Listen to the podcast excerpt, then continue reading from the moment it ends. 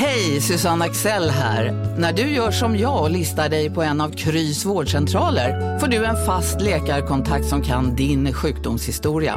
Du får träffa erfarna specialister, tillgång till lättakuten och så kan du chatta med vårdpersonalen. Så gör ditt viktigaste val idag, listar dig hos Kry. Makrorådet från Dagens Industri. Hej och hjärtligt välkomna till Makrorådet. Dagens Industris podd där vi pratar om de stora pengarna. Jag heter Nils Åkesson och gäster idag är Kristin Magnusson Bernard, vd på Första AP-fonden och Andreas Wallström, prognoschef på Swedbank. Välkomna Kristin och Andreas. Tack så mycket. Tack, tack. Det är onsdag den 15 september när vi spelar in det här och idag ska vi avhandla två brännande aktuella teman. Den höga inflationen och den svenska regeringens kommande budget. Sen ska vi reda ut ett begrepp som brukar vara eh, flitigt använt så här i budgettider, nämligen reformutrymme. Kristin och Andreas, ni har i vanlig ordning också med er varsin spaning. Och så avslutar vi med att blicka framåt mot veckans viktigaste. Så ser agendan ut. Ni lyssnare som varit med förr kommer alltså att känna er som hemma. Jag tänkte vi skulle börja med ett kärt ämne, nämligen inflationen. Årets förhöjda prisökningstakt har helt klart varit uppe förut i den här podden, men så sent som igår tisdag fick vi färska siffror för inflationstakten i augusti. Den amerikanska konsumentprisinflationen, KPI, då, backade ett snäpp men uppgick ändå till hela 5,3 procent förra månaden. Den svenska inflationen steg istället markant till 2,4 procent enligt måttet KPIF. Det svenska utfallet var ju då betydligt högre än väntat dessutom. Idag på morgonen publicerades också Prosperas stora kvartalsvisa mätning av vilket pristryck svenskarna räknar med framöver.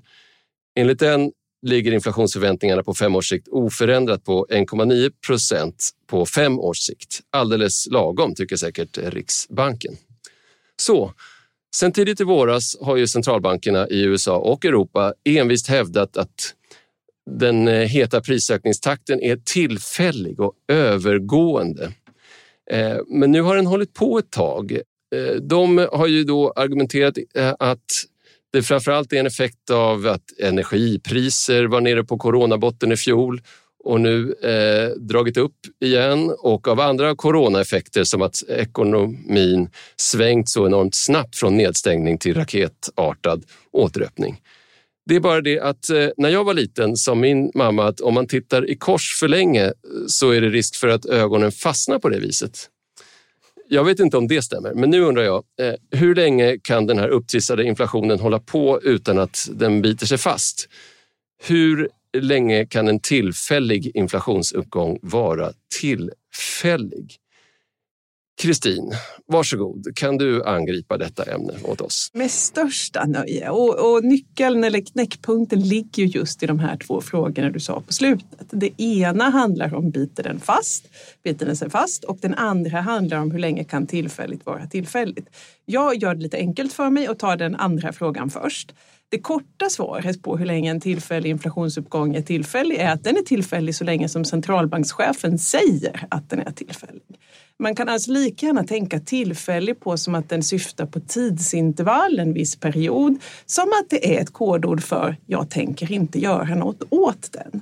Därför att säger man att den är tillfällig så gör man enligt skolboken i penningpolitik ingenting med styrräntan eller balansräkningen utan man sitter still i båten. Det, det, andra är att man kan försöka ge lite kött på benen. Det gjorde till exempel den amerikanske centralbankschefen rätt nyligen. Han radade upp ett gäng indikatorer som han tittar på när han bedömer om det här är tillfälligt eller inte. Men han var otroligt fiffig därför att alla de här indikatorerna är alltså så kallade laggande eller eftersläpande indikatorer. Så du får inte mer information av dem än vad du får från inflationssiffran i, i realtid och det är det du vill om du sitter på marknaden. Du vill klura ut i förväg vad inflationen är på väg och vad centralbanken ska göra. Så han gav mer information utan att egentligen ge mer vägledning. Andreas, Vill du haka på? Ja, jag skulle möjligtvis kunna komplicera det lite till då. Eh, därför att jag, jag, skulle nog tänka att det är egentligen tre olika typer av tillfälliga eller bestående prisökningar. Tillfälliga eh, som centralbanker inte responderar på, som vi nu bevittnar då, väldigt hög inflation. Ehm, sen skulle jag kalla det kanske semibestående inflation. Eh, eh, en, inflation som ligger högt kanske 12 månader framåt, kanske 18 månader just på den här tidshorisonten där faktiskt centralbanker bör och kommer agera. Ehm, och sen finns det ytterligare liksom en längre tidshorisont eh, som jag skulle kalla bestående där vi kanske är på väg mot en ny era då med högre inflation likt 70-80-talet då som kräver den här lönespiralen och så där. Och det är väl väldigt få som ser den här sista då. Men det intressanta tror jag är, och som är den här internationella diskussionen nu, framförallt vad gäller USA, är om det bara är den här verkligen första tillfälliga eller om det är den här semipermanenta då som Kristin är inne på när faktiskt centralbankerna agerar. Ja, för vi har ju eh, globalt sett då en industri som eh, möter eh, stigande kostnader. Det är insatsvaror, det är råvarupriser, det är containerfrakt eh, som har, har mångdubblats i, i pris. Och sen eh, inte minst i USA så kommer rapporter om eh, arbetskraftsbrist som brukar förebåda då att eh, lönetrycket ska stiga upp. Så att de här impulserna, hur orolig ska man vara för dem? Att de tar över nu då om de här coronaeffekterna kanske klingar ut, eh, men så hakar det här andra i. Vad säger du, Kristin? Ja, och det är här som blir centralbankernas huvudverk. För det, det, vi pratar om är alltså olika typer av inflation. Vi pratar om det som man brukar prata om utbudsinflation och efterfrågeinflation. Det jobbiga med utbudsinflation är att den kan gå upp samtidigt som tillväxten viker ner och då blir det ju svårt. Vad ska man göra? Stramar man åt, ja men då Eh, sätter man eh, ytterligare tryck på ekonomin som redan försvagas och stramar man inte åt så får man för hög inflation. Då blir det enklare som det var för Riksbanken igår till exempel när det ser ut som det är en bred och efterfrågedriven inflation. För det är ju det som, som man vill se. Svensk ekonomi går bra och naturligtvis blir det då också så småningom ett litet pristryck uppåt. Det man gör då, om man fortfarande vill hålla kvar vid det tillfälliga spåret, det är ju att man antagligen jobbar med räntebanan långt ut. Så man kanske börjar indikera lite höjningar långt ut. Det är också vad marknaden sedan ett par dagar tillbaka prisar då. Eh, man kan också kan man tänka sig att det kanske inte händer så himla mycket med räntebanan men man kan prata lite i protokollet när det så småningom kommer att håller det här i sig, ja, men då kan man nog tänka sig räntehöjningar lite tidigare än vad man har aviserat. Om jag frågar så här till dig Andreas, eh, när vi, om vi pratar om USA och den här inflationstakten som ju är den högsta på eh, decennier. Mm. Ehm, eh, men som då, den senaste siffran visar ett litet tick nedåt då, som kan ge vatten på kvarn åt det här Eh, alltså Feds, eh, centralbankens eh, retorik då att det här är tillfälligt. Men vad skulle du behöva se för att bli mer orolig för att den här inflationen faktiskt håller i sig längre än väntat? Mm. Då skulle jag behöva se en tydligare uppgång i lönetillväxten i USA. Och det finns ju i och för sig många indikatorer som talar för det. Faktiskt de flesta indikatorer man kan titta på vad gäller lönerna talar för en stigande lönetillväxt. Så att just i USA, vilket liksom lite sticker ut skulle jag säga jämfört med Europa, så ser man faktiskt redan nu lite tryck i lönerna och det skulle då kunna leda till en förhöjd inflation under liksom en, en lite längre tid. Med det sagt så tror jag absolut vi kommer komma ner från liksom dagens väldigt höga inflation på 5 procent till kanske någonstans 3 procent. Dessutom så finns det en väldigt viktig teknikalitet i amerikansk inflation. Det är huspriserna. Eh, som ju har stigit väldigt mycket, likt de har gjort i många länder. Och det kommer också föda in i amerikansk inflation så småningom. Eh, och eh, det är faktiskt en faktor som många pratar om nu som skulle kunna lyfta inflationen på lite längre sikt, på ett års sikt eller så. Ja, om vi då blickar på eh, Sverige lite grann. Vi har ju då alltså 2,4 procents inflation för eh, huvudmåttet KPIF som Riksbanken är mest intresserad av. Eh, bara det är ju högt. Europa har 3 procent, USA då eh, över 5 för huvudmåttet KPI. Eh, vilka risker ser ni för att Sverige smittas av prishettan i omvärlden och vilka risker ser ni för att på svensk front då att den här inflationen över 2 procent eh, börjar leva sitt eget liv. Eh, jag tänker också på det där du sa om eh, huspriser, Andreas. Vi har ju haft en enorm husprisutveckling i Sverige. Många, inte minst kollegor på redaktionen här, knorrar om att eh, byggvaror och sånt har dragit iväg mm. ordentligt när man är ute och handlar. Kan det finnas ett samband där? Folk känner sig mer husförmögna och är mindre priskänsliga på vissa områden. Eh, Kristin, vad ser du på svensk front? Ja, för det första är det ju så att huspriserna är ju inte med som du säger i den, eh, den mått som, som Riksbanken tittar på. Jag tror däremot Riksbanken är ganska orolig för huspriserna ändå. Det handlar mer om hur man har jobbat med balansräkningen. Eftersom man har köpt mycket statsobligationer så har man också gått in på marknaden för bostadsobligationer ganska ordentligt. Jag tror faktiskt en större huvudvärk för Riksbanken hur man ska trappa ner det här, eh, om man ska snabba upp det eller hur man nu har tänkt göra eftersom det finns en avisering om att man så att säga ska sluta aktivt köpa köpa ett visst läge och det skulle man ju kunna börja tidigare. Så jag tror att eh, bostadsprislänken går snarare via balansräkningen för Riksbanken för där har man ju kritiserats för att sprida två budskap kan man ju säga. Så naturligtvis är det ett, ett hett ämne.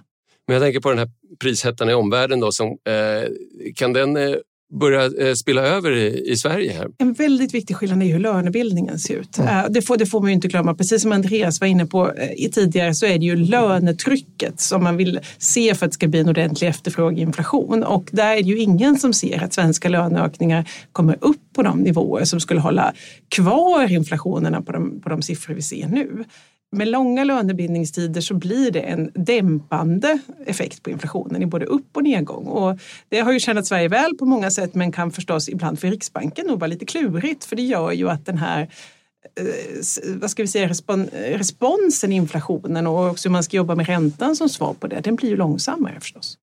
Jag har sett en hel del prognoser att ändå eh, Sveriges eh, så att säga, inflation, månadssiffrorna framöver här kan, kan ticka, fortsätta ticka uppåt. Mm. Andreas, eh, vad, vad, ska man tänka när man ser dem då, eh, framöver här?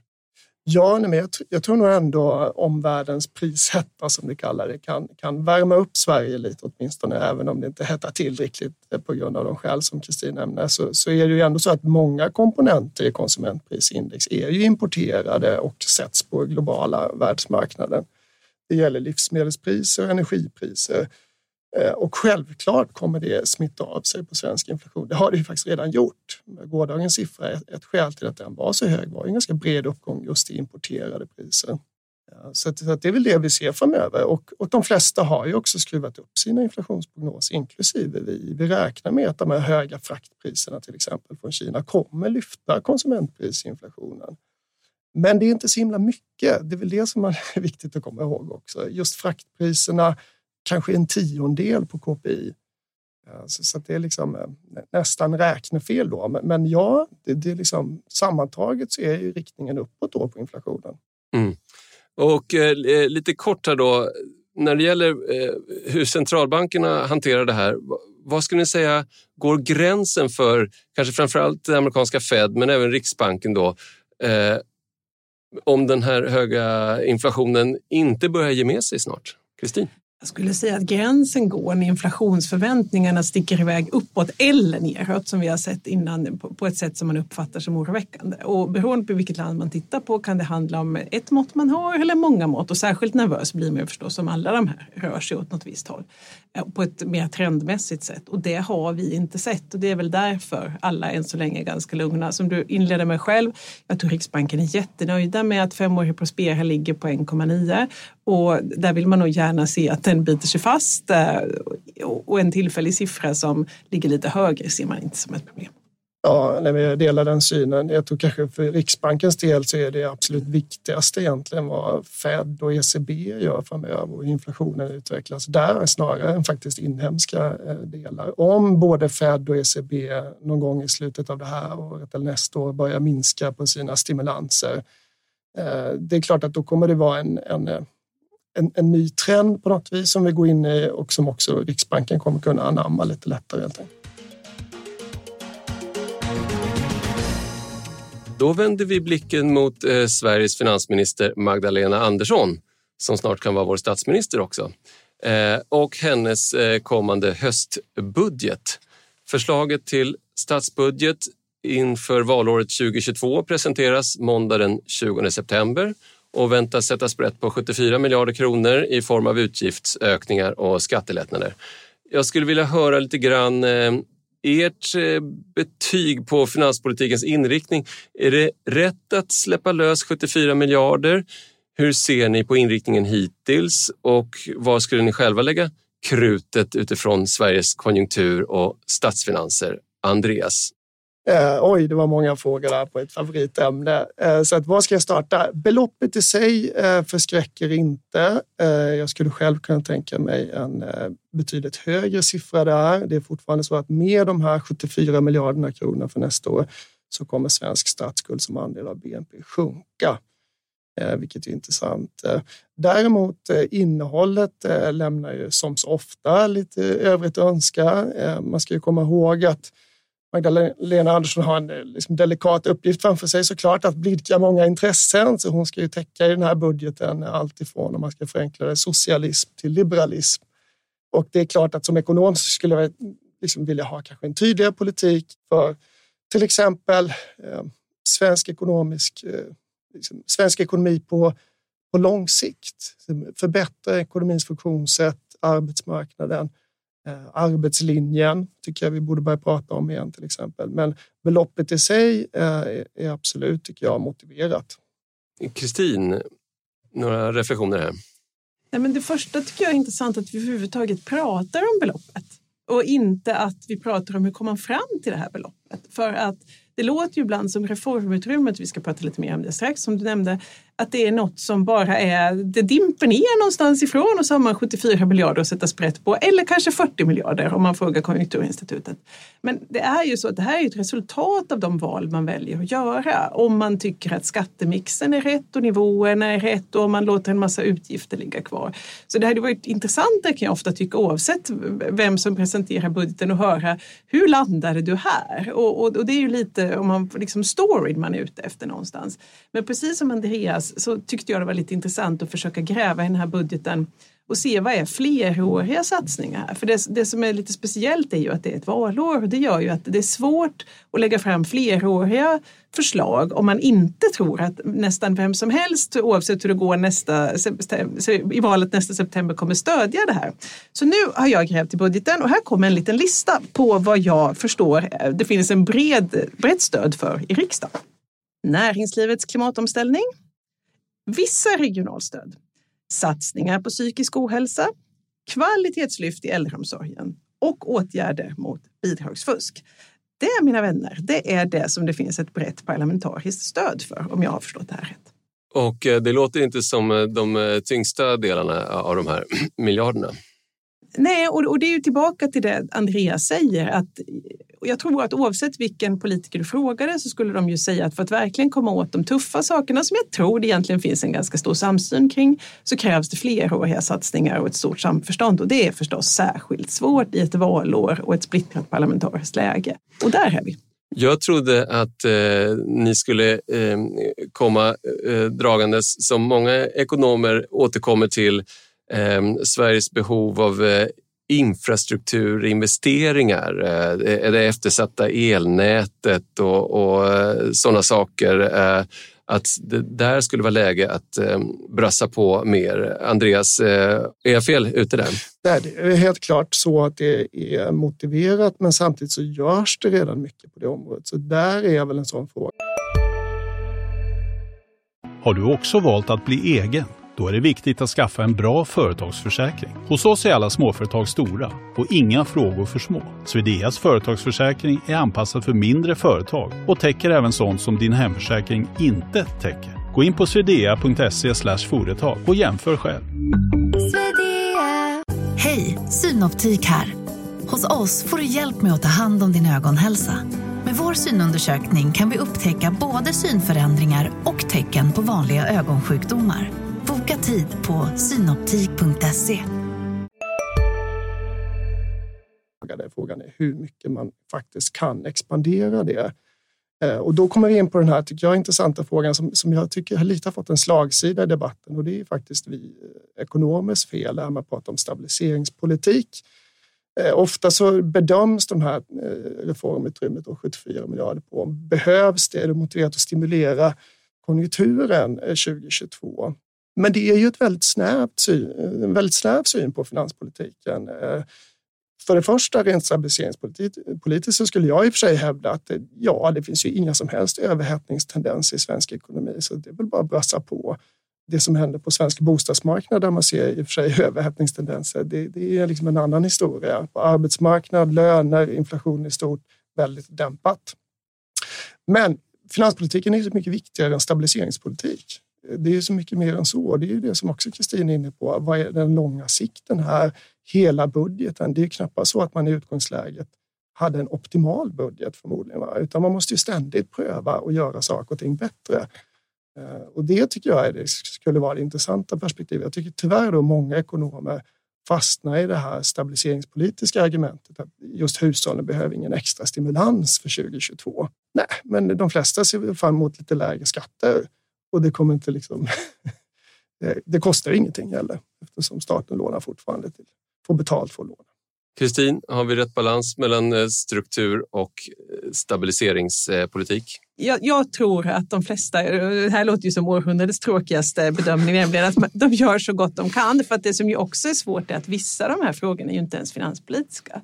Till exempel, vi var inne på energiförsörjningen, krävs det, om det är årtionden för att bygga ut infrastruktur, den stora delen handlar om att få tillstånd till exempel, då kan du ju inte göra något med budgeten där överhuvudtaget. Och det finns ju mycket sådana strukturfrågor där det handlar om ett gnetande med processer och, och, och just tillståndsprövningar, domslut och så vidare. Och det är väl där jag tror att eh, både bedömare och kanske ibland då, och då någon politiker kan lite ge upp och känna att okej, okay, nu, nu fokar jag på det jag tror jag får igenom det här året. Då har det blivit dags för nästa hållplats i makrorådet, begreppet. I varje avsnitt har vi ambitionen att bringa lite mer klarhet kring ofta använda termer i ekonomins underbara värld. Dagens begrepp reformutrymme kan sägas höra till fältet ekonomisk politik då och användas kanske framför allt av svenska finansministrar. Kristin, eh, du ska hjälpa oss med det här. Varsågod. Tack så mycket. Jo, eh, reformutrymmet eller kanske snarare budgetutrymmet som är ett lite mer neutralt sätt att uttrycka det på. Det visar hur mycket nya finanspolitiska åtgärder man kan ta till under en specifik tid givet, och nu kommer svåra ord här som vi ska förklara ett i taget sen, ett strukturellt sparande som är förenligt med överskottsmålet. Om någon kände att redan här blev det jobbigt så tycker jag att det är fullt förståeligt. Ett strukturellt sparande är alltså hur stort det finansiella sparandet är om konjunkturen är i balans. Och redan här hör ni ju konjunkturen i balans. Redan här kommer bedömningsfrågan in då. Och överskottsmålet som ni vet är ju satt i det finanspolitiska ramverket. Och sen det här budgetutrymmet beräknas då som skillnaden mellan det strukturella sparandet om man inte ändrar på något i den offentliga sektorn och överskottsmålet. Och det här dyker upp för att det finns en liten, eh, vad ska vi säga, en, en obalans i hur de offentliga finanserna utvecklar sig över tid. Det är nämligen så att inkomsterna brukar växa med BNP men utgifterna måste man ta ett aktivt beslut för att de ska öka eller helt enkelt inte löpa ut. Då. Och det gör att på ett helt naturligt sätt över tid så uppstår det här utrymmet där man kan genomföra så kallade ofinansierade reformer. Eh, alltid diskuteras det ganska mycket mellan till exempel Konjunkturinstitutet och regeringen hur stort det här utrymmet är. Det brukar dels vara hur mycket kommunerna ska spara som kan skilja sig åt och dessutom då hur stort det här strukturella sparandet faktiskt är. Vad bra, tack för det. Då fortsätter vi med vår eh, favoritavdelning, eller min i alla fall, eh, spaningarna som våra gäster har med sig. Andreas, eh, du har med dig något som länkar i det vi pratade om tidigare här om inflationen. Du får börja. Och faktiskt mer specifikt om just inflationsförväntningarna. Och förväntningar i stort kan man säga har en liksom central betydelse i eh, ekonomisk teori och i praktiken också. Det är oftast liksom förväntningarna som styr vårt agerande helt enkelt. Eh, när vi väl får veta någonting, redan då agerar vi. När vi nu vet att den 29 september eh, så är pandemin över, ja, då kan vi redan nu börja anpassa oss till det, till exempel.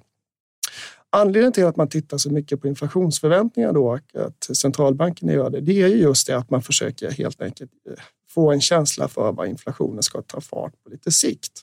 Och då eh, spelar ju de här förväntningarna en central roll. Därför att om det är så att de flesta börjar tänka sig att nästa år så kommer inflationen vara hög. Ja, precis som du var inne på inledningsvis här då så kommer ju då också kanske löneanspråken eh, höjas lite. Eh, kanske företags, eh, alltså arbetsgivaren kommer börja tänka att okay, vi kan nog höja våra priser också. Det finns kanske utrymme att betala de där högre lönerna och då har vi så att säga en eh, starten på en då positiv spiral i termer av att vi får stigande priser.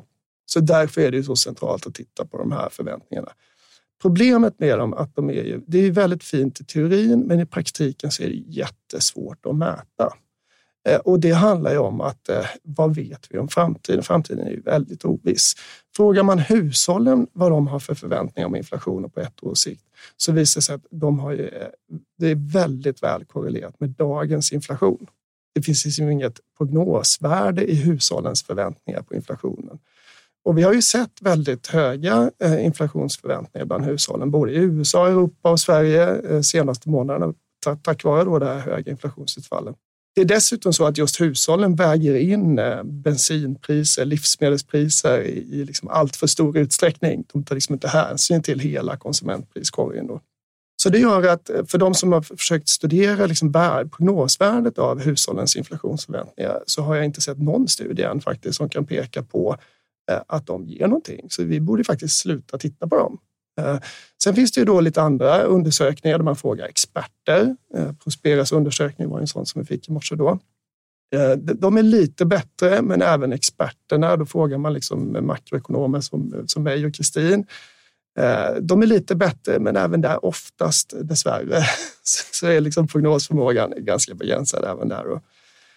För svensk del så finns kanske den bästa undersökningen i Konjunkturinstitutets barometer där man frågar företag Eh, vad har de för förväntningar på inflationen då på ett års sikt? Eh, den har visat sig ganska bra då och korrelerar väl med faktisk inflation historiskt åtminstone. Eh, och de har stigit nu ganska mycket då.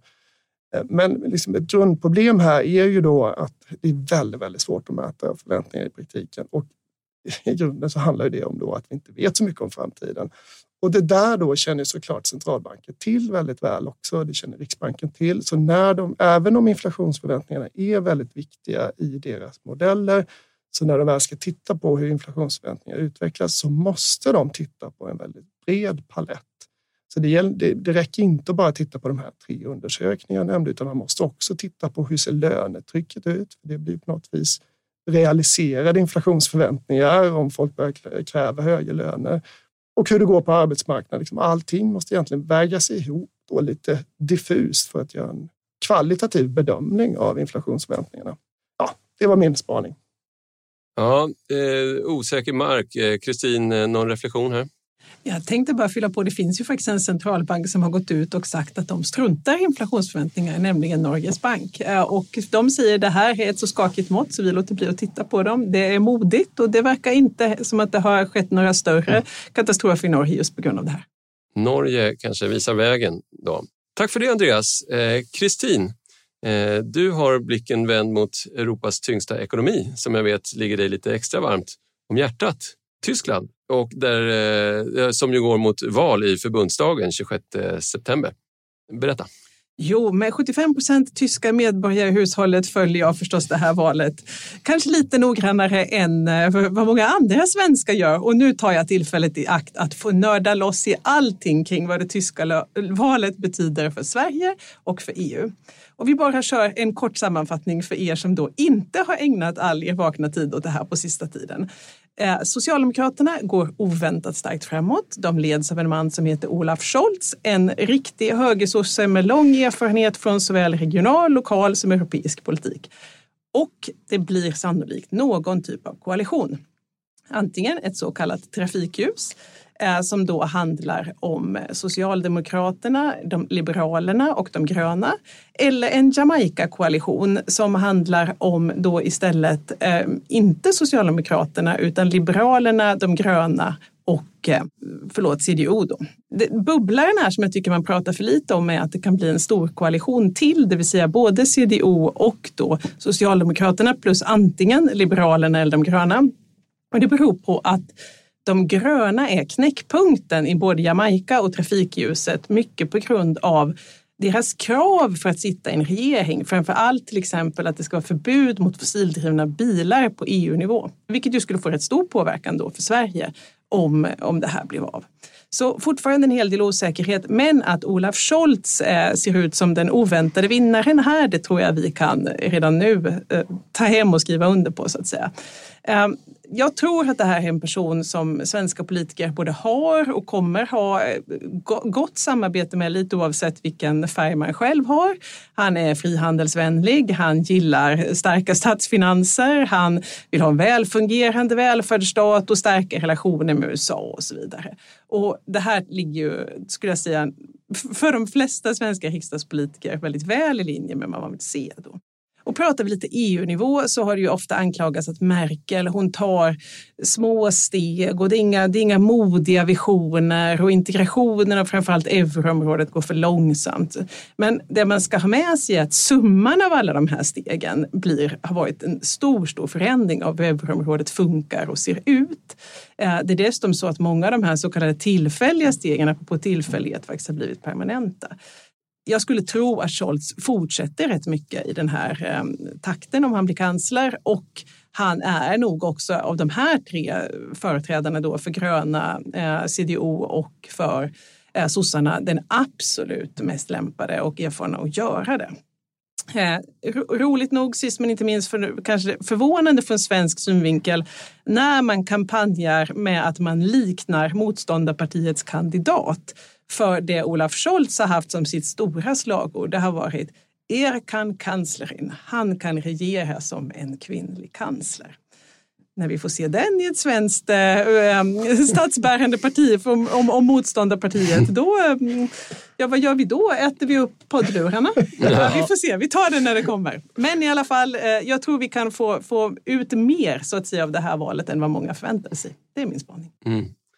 Andreas, eh, hur tror du att eh, det tyska valet kan eh, märkas av i Europas och kanske Sveriges eh, ekonomi?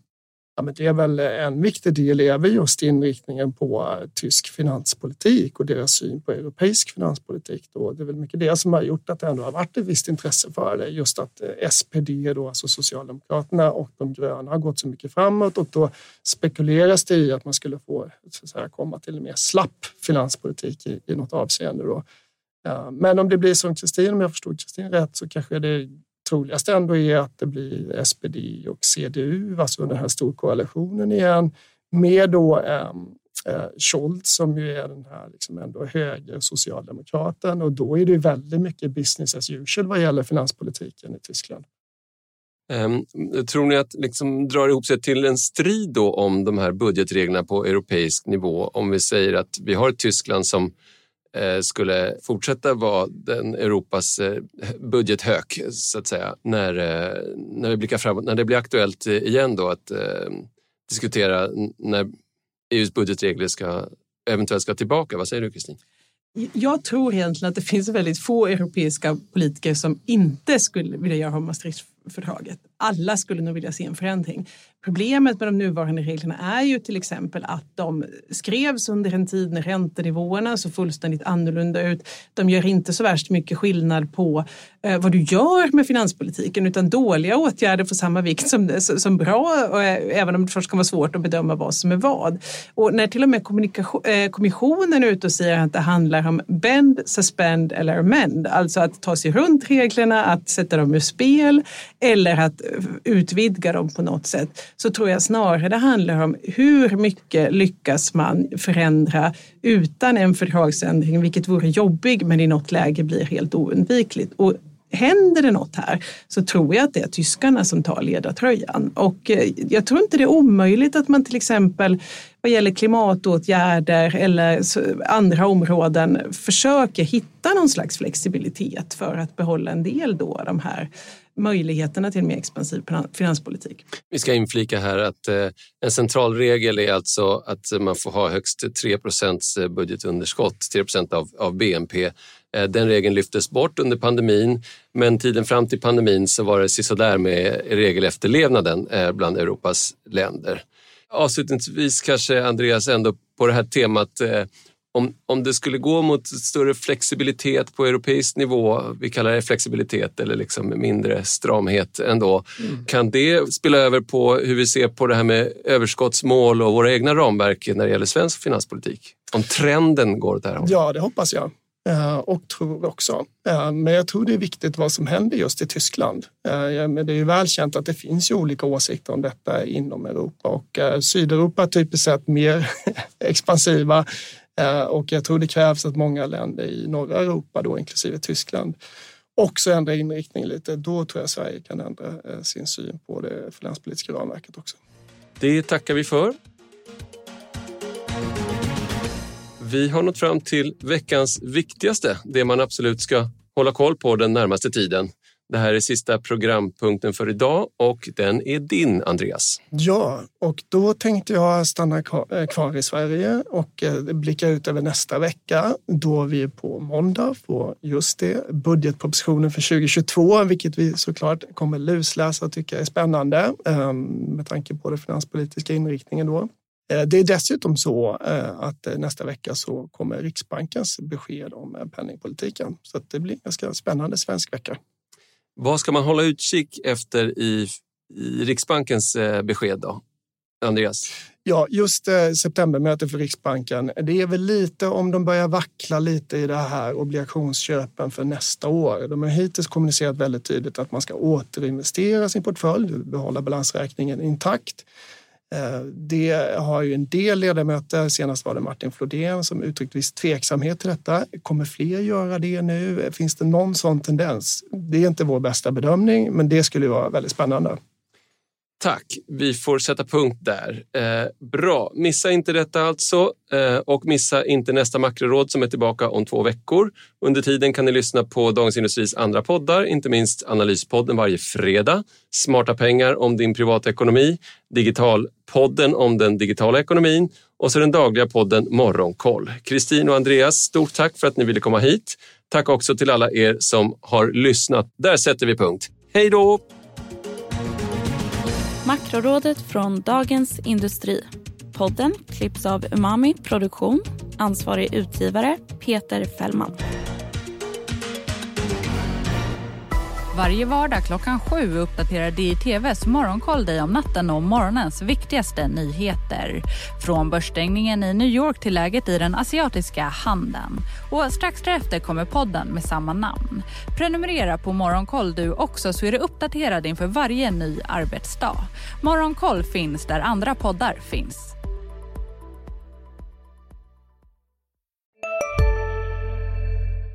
Välkommen till Maccafé på utvalda McDonalds restauranger med Baristakaffe till rimligt pris. Vad sägs om en latte eller cappuccino för bara 35 kronor? Alltid gjorda av våra utbildade baristor. En nyhet. Nu kan du teckna livförsäkring hos Trygg-Hansa. Den ger dina nära ersättning som kan användas på det sätt som hjälper bäst. En försäkring för dig och till de som älskar dig. Läs mer och teckna på trygghansa.se. Trygg Hansa, trygghet för livet.